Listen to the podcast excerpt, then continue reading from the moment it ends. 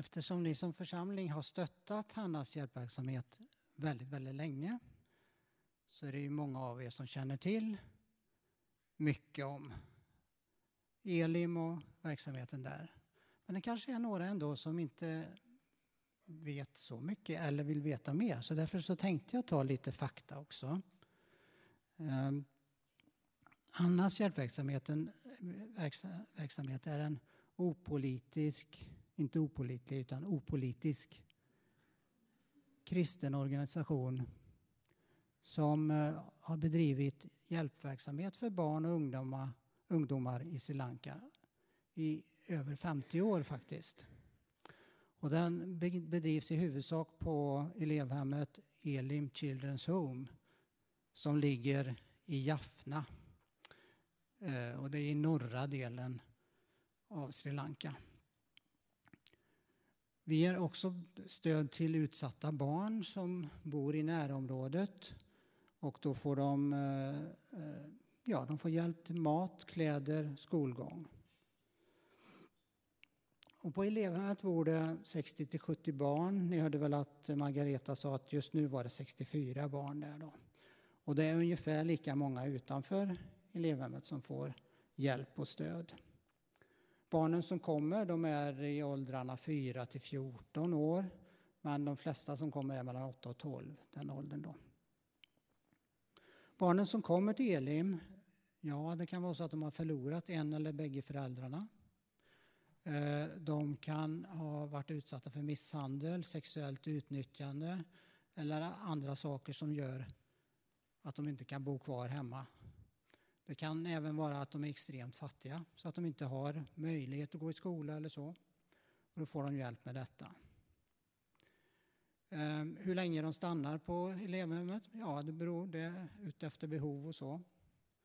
Ehm, på området finns det också en förskola och tillsammans med förskolan och andra som jobbar så är det totalt 20 anställda. Vi hade ju 50-årsjubileum för några år sedan och då kunde man liksom inte undgå att tänka på hur, hur häftigt det är att det har dels att det har funkat så länge men också hur det har växt och utvecklats. Det var ju en dam i 60 plus var hon, som hette Hanna Larsson som, ja egentligen så skulle hon väl gått i pension. Men hon tänkte, nej men jag kan nog göra något mer. Och då började med att hon tog hand om en pojke som hade varit ute för en olycka. Och sen växte det och växte. Och har fortsatt i som sagt över 50 år. Och tar hand och hjälper ungefär 150 till 200 barn varje år. Så det är betydelsefullt. Eh, I mitten av 80-talet, mitt under brinnande inbördeskrig, så tog Anita Wörde över. Och Anita kände ni säkert här. Och man kan säga mycket gott om henne. Modig, vis, generös. Ja, det finns många positiva ord att säga om Anita.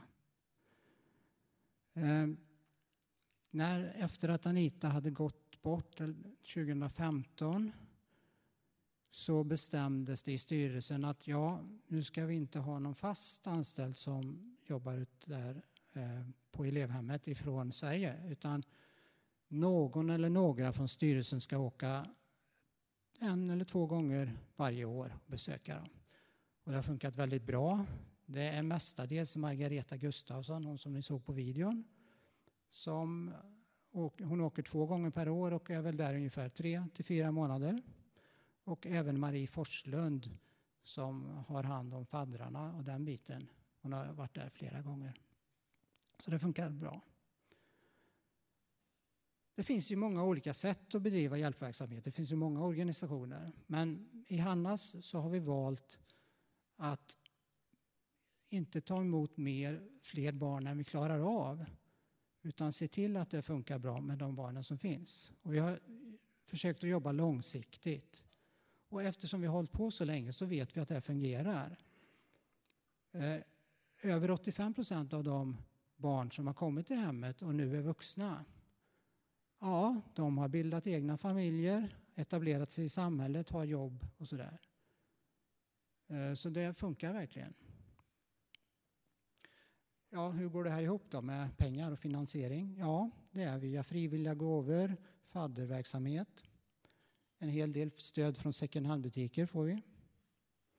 Vi har väldigt låga administrationskostnader. Vi har inga anställda i Sverige. Administrationskostnaderna har varit strax under 2% av eh, insamlade medel. Då. Så har vi förstås också 90-konto som gör, säkerställer att pengarna används på rätt sätt. Ja, hur ser det ut just nu då på Sri Lanka? Ja, alltså om vi tycker situationen här i Sverige är tufft så är det ju ännu mycket tuffare i Sri Lanka. Jag läste att inflationen på årsbasis, eh, när man mätte det i augusti, så var den 64 procent. Och vi tycker 10 procent är mycket. Eh, för pengar skänkta från Sverige så har det inte påverkat lika mycket eftersom svenska kronan faktiskt har stärkts mot rupien. Så det har kompenserat lite grann där. Den som har följt Hannas hjälpverksamhet genom åren har märkt att vi fokuserar på barnens skolgång. Alltså Hannas driver inga skolor utan de går ju på skolor i närområdet. Men efter pandemin så bytte den skolan där de hittills hade gått, de bytte ledning. Och den ledningen diskriminerade barnen från, från Elim. Så därför bestämde ledningen där att nej men vi byter skola för barnen. Och då har de fått börja i nya skolor och det fungerar väldigt bra faktiskt. Och de, har, eh, de trivs. Eh, men på grund av det så var vi tvungna att köpa en stor 42-platsers buss och den såg ni kanske skymtar av på de här filmerna som vi visar. Men trots de här tuffa tiderna så planerar vi på en hel del förbättringar och så. Eh, det ska byggas en lekplats där vid de mindre pojkarnas hus och där ska det finnas en liten trädgård också. Lekplatsen ska innehålla en sån här konstgräsyta för även om man tror att det är grönt jämt där så är det ju inte det utan det regnar och det kan vara översvämningar och sådär, så det är bättre att ha en konstgräsyta då, som alltid är precis som här i Sverige faktiskt. Och en trädgård där de kan odla saker då. Likadant vid flickornas byggnad så ska det göras en ny yta för lek och spel och där även en plats för odling. De små pojkarnas eleven ska renoveras, taket ska bytas, fönstren ska bytas. Så det är en hel del jobb där. Och så finns det planer på att bygga ett bussgarage. Bussen måste ju stå någonstans då. Men i samband med det så ska man bygga två verkstadslokaler där de äldre pojkarna kan få träna på metallarbeten, svetsning, plåtarbeten och sånt. Då. Sen är det ju om vi tycker att här i Sverige är det brist på energi, ja inte ork då kanske, men bensin och diesel och el och sånt där är lite, det är dyrt i alla fall, även om det inte är jättebrist än så länge, så är det väldigt brist där. Det är ransonering på det och det är mycket strömavbrott. Så därför så planerar vi, eller i alla fall undersöker om vi kan bygga, sätta solcellspaneler på byggnadernas tak och det är ganska stora ytor. Så det hoppas vi att det ska gå i lås. Det var lite grann om verksamheten. Ni får gärna prata med mig efteråt och tjata lite och ställa frågor och undra.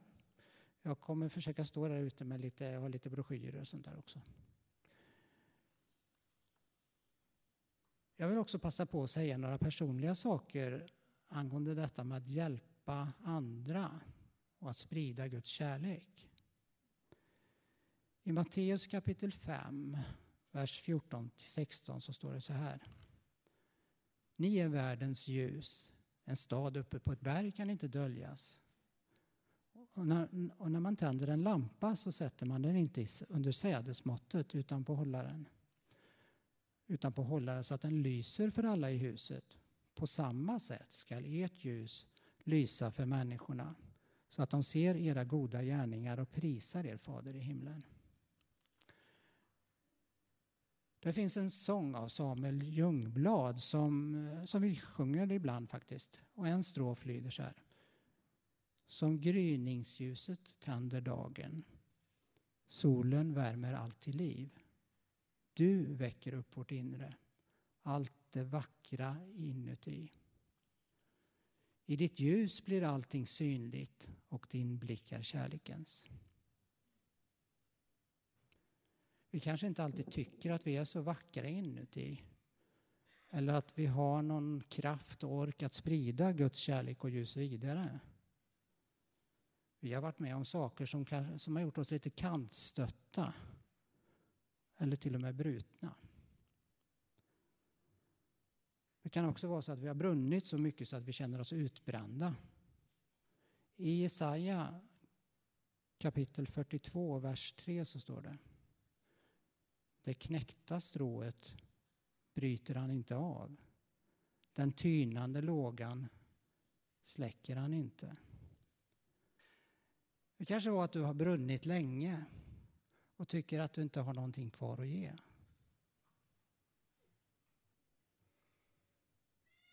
Eller, vem är jag? Kan jag verkligen betyda något?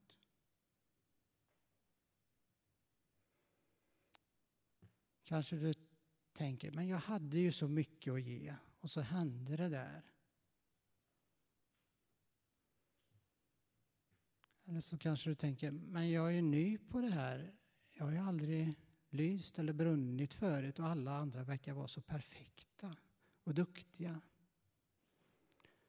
Det är aldrig för sent att bli använd av Gud.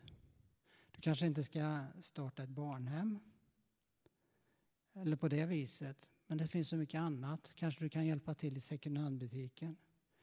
Kanske du har en granne som vill att du kommer över och pratar lite. Eller, eller ska du ringa det där samtalet som du har funderat på ett tag? I Andra Timoteus kapitel 1, vers 6 så står det så här. Därför påminner jag dig om att du ska blåsa liv i din nådegåva från Gud som finns hos dig. Det kan vara så att du vet din gåva, men omständigheterna i livet har gjort att lågan tynat ut och till, sist slocknat. Gud har inte glömt eller förkastat dig. Min hälsning idag är att du ska fortsätta lysa för din omgivning.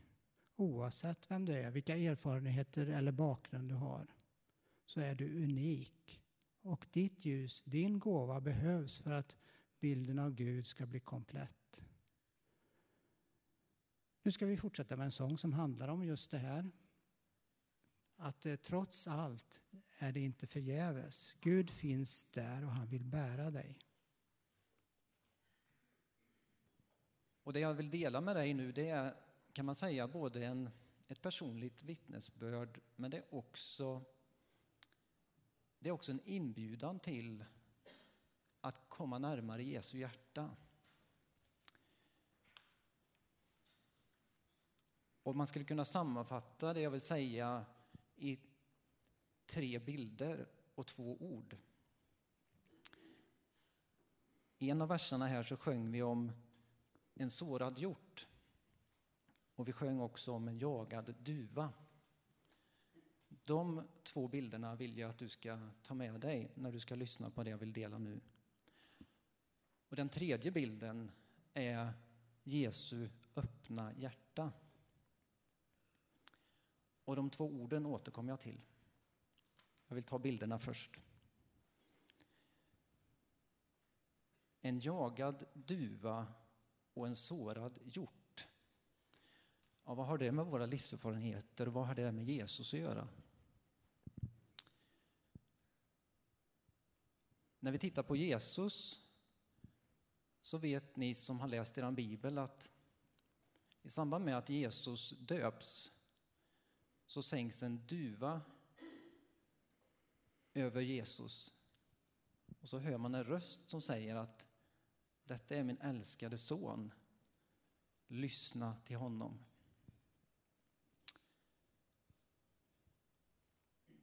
Och ni vet som har läst evangeliet hur det slutar för Jesus. Alla ville inte lyssna på honom. Alla tog inte emot honom för den han var. Utan eh, hans liv får en helt annan vändning. Och det slutar med att han hängs upp på ett kors och dör för hela mänsklighetens skull. Och mot den fonden, så att säga, får vi spegla våra liv, tänker jag. Vi kan också bli som en jagad duva.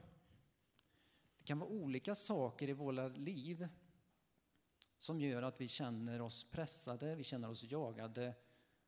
Eh, vi drivs åt ett håll dit vi inte vill gå.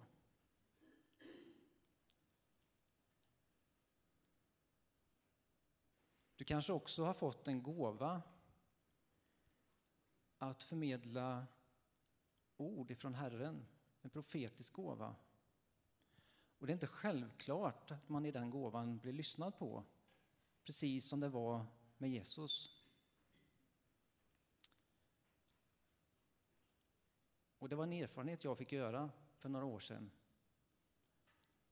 Att jag delade det som Gud hade lagt på mitt hjärta. Men jag blev inte moshagen.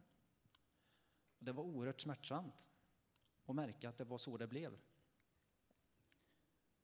Så att istället för att lyssna på budbäraren och budskapet så blev jag tillfogad väldigt mycket skada. Jag blev som den här sårade hjorten, som det står om i texten. Och när jag sjunger den här sången så kan jag inte släppa att ibland så blir Jesu väg också våran väg. Om vi står upp för nåd och sanning så kan vi ibland få lida för det. Precis som Jesus fick göra. Och när de smärtsamma upplevelserna och erfarenheterna drabbar oss så ska vi veta att vi står inte ensamma i det som kan pressa oss, det som kan eh, såra och skada oss på olika sätt. I början på den här sången, då, i första strofen, så står det om att som en härlig gudomkälla, rik och mäktig, djup och stor, är den kärlek, nåd och sanning som i Jesu hjärta bor.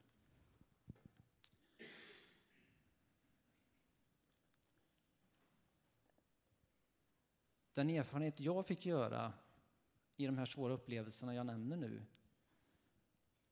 det var att fast många människor vände mig ryggen och inte ville ha med mig att göra,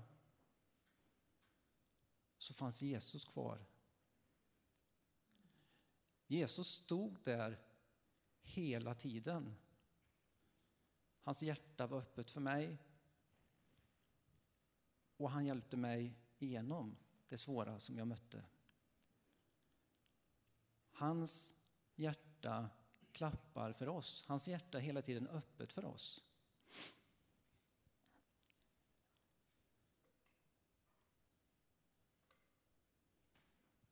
Det är inte självklart att vi är öppna för honom.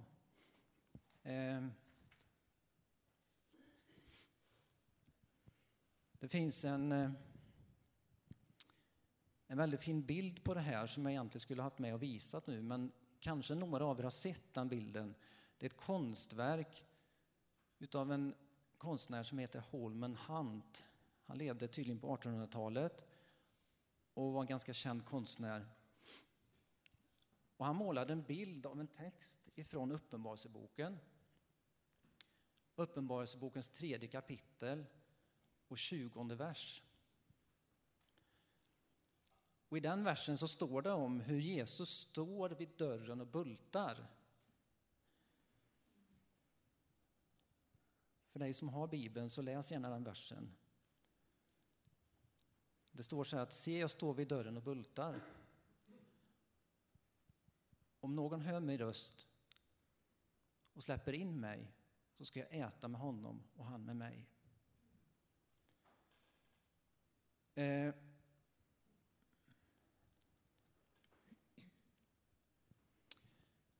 när Holman Hunt ritar konstverket som ska gestalta den här bibeltexten så ser man på konstverket en dörr. Det ska symbolisera vårt hjärtas dörr. Och dörren är helt överväxt.